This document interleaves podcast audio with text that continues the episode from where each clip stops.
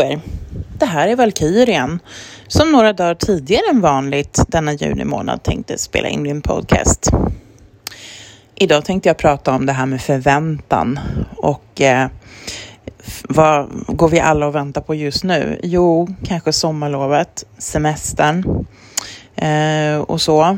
Men jag vill också lyfta att många barn med de här neuropsykiatriska funktionsnedsättningarna kan tycka att sommarlovet är en lång plåga.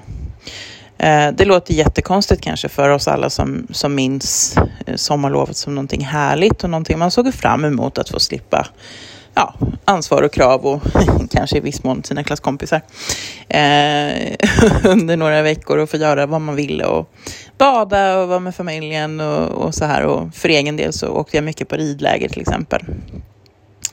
Men alla barn tycker inte så, utan eh, många är väldigt beroende av och känner sig trygga av att ha trygga i att ha sina rutiner.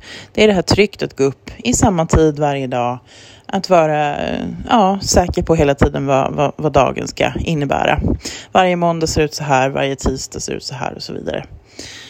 Men som sagt, med sommarlovet så kommer det ju nya eh, rutiner. Man kanske kan sova längre, man kanske kan eh, inte är så styrd för att föräldrarna är fortfarande på jobbet och så, men man är själv hemma kanske om man är tillräckligt gammal och möjlighet att klara sig själv.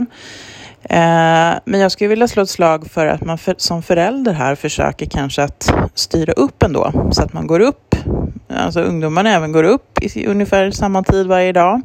Sen om den tiden blir lite senare på sommarlovet, det må ju vara hänt. Man har senare kvällar kanske och så. Men eh, just att, att, få in någon sorts regelbunden sommarlovsrutin ganska snabbt. Eh, det tror jag kan underlätta den här övergången från termin till sommarlov. Eh, det, det är rätt viktigt för oss människor med rutiner generellt, men, men i synnerhet för personer då med, med neuropsykiatriska funktionsnedsättningar. Största utmaningen för mig som jurist eh, som ska ha med myndighets, myndigheter att göra, det är ju den här tiden på året just på grund av att eh, det blir mycket semesterstängningar. Om man inte stänger så drar man åtminstone ner på personalstyrka, vilket gör att handläggningstiderna blir längre eh, och även svarstiderna, alltså överhuvudtaget att komma i kontakt med myndighet via telefon eller eller mejl nu då idag, eh, kan bli mycket längre. Eh, och det här behöver man ju också tänka på och förhålla sig till som, som förälder som, som då ska anlita mig som jurist. Att Eh, det kan vara svårt för mig att ja, leverera i tid och så. Det ska man ju vara väl medveten om att det är ju från andra sidan då, så att säga med, med myndighets-Sverige som faktiskt tar semester större delen av juli skulle jag säga. Och jag tycker mig märka mer och mer att eh, det blir lite förskjutning också i det här. Kanske beroende på pandemin, vad vet jag. Men jag märker att redan nu så har en del myndigheter dragit ner på, på tempot kanske och eh, eh, ja, semestrarna börjar allt tidigare. Vi har inte riktigt den här industrisemestern längre. Även om jag märkte åtminstone förra året att det var ganska tydligt att juli, då stannar Sverige. Då ligger vi på stranden, vi äter jordgubbar och vi eh, förhoppningsvis njuter av solen. Men eh, som sagt, jag skulle säga att man redan nu ska vara lite förberedd på att saker och ting kan ta lite längre tid. Eh, och även tänka på att i augusti, i augusti när allting drar igång eh, så gäller det någonstans att vara lite förberedd på att kanske ha varit proaktiv att ansöka nu under sommaren. Även om det tar längre tid så ligger du förhoppningsvis i ja, de hög, högre höjderna så att säga, i de här högarna på när vi kommer in i augusti-september när skolan drar igång igen och vardagen för de allra flesta av oss då som har haft semestrar också. Så det är väl ett litet tips från mig att tänka över det här kanske under, eh, ja, under juni månad här nu, kanske innan semestern. För jag skulle någonstans också slå ett slag för att eh, för, försöka, om, i den mån det går såklart, att släppa mycket av det här med myndighetstänkande, eh, ersättningar, allt det här under sommaren om man kan det. Alltså under sin semester, under sin ledighet. För det är så oerhört viktigt eh, med återhämtning. Det är det för oss alla. Men jag skulle säga att, att ni som lever i NPF-familjer har kanske ett ännu större behov av att få någon gång någonstans bara släppa allting vad gäller just myndigheter, MPF, alla, all, allt som är svårt och tungt. Att få fokusera bara på, på nuet och vara här och nu och vara med varandra alltså i familjen. Um, jag tror att det är viktigt ibland att vi, vi fokuserar lite för mycket på, på det som inte fungerar. Vi har blivit lite bättre kanske generellt på att fokusera på, på styrkor. Men jag tror också att det här att bara vara. Ni vet ett barn som kan sitta och titta på en maskros som växer upp på asfalten helt fascinerad hur länge som helst. Eh, följa ett hum, en humlas flygrutt och bara sitta och titta på hur den flyger från blomma till blomma. Den där meditativa eh, det meditativa fokuset någonstans, tänker jag. Eh, jag tror att vi alla generellt behöver bli lite bättre på det. Och som sagt, i synnerhet kanske ni som, som lever nära MPF. Um, för det är viktigt med, med just återhämtning för att orka sen strida.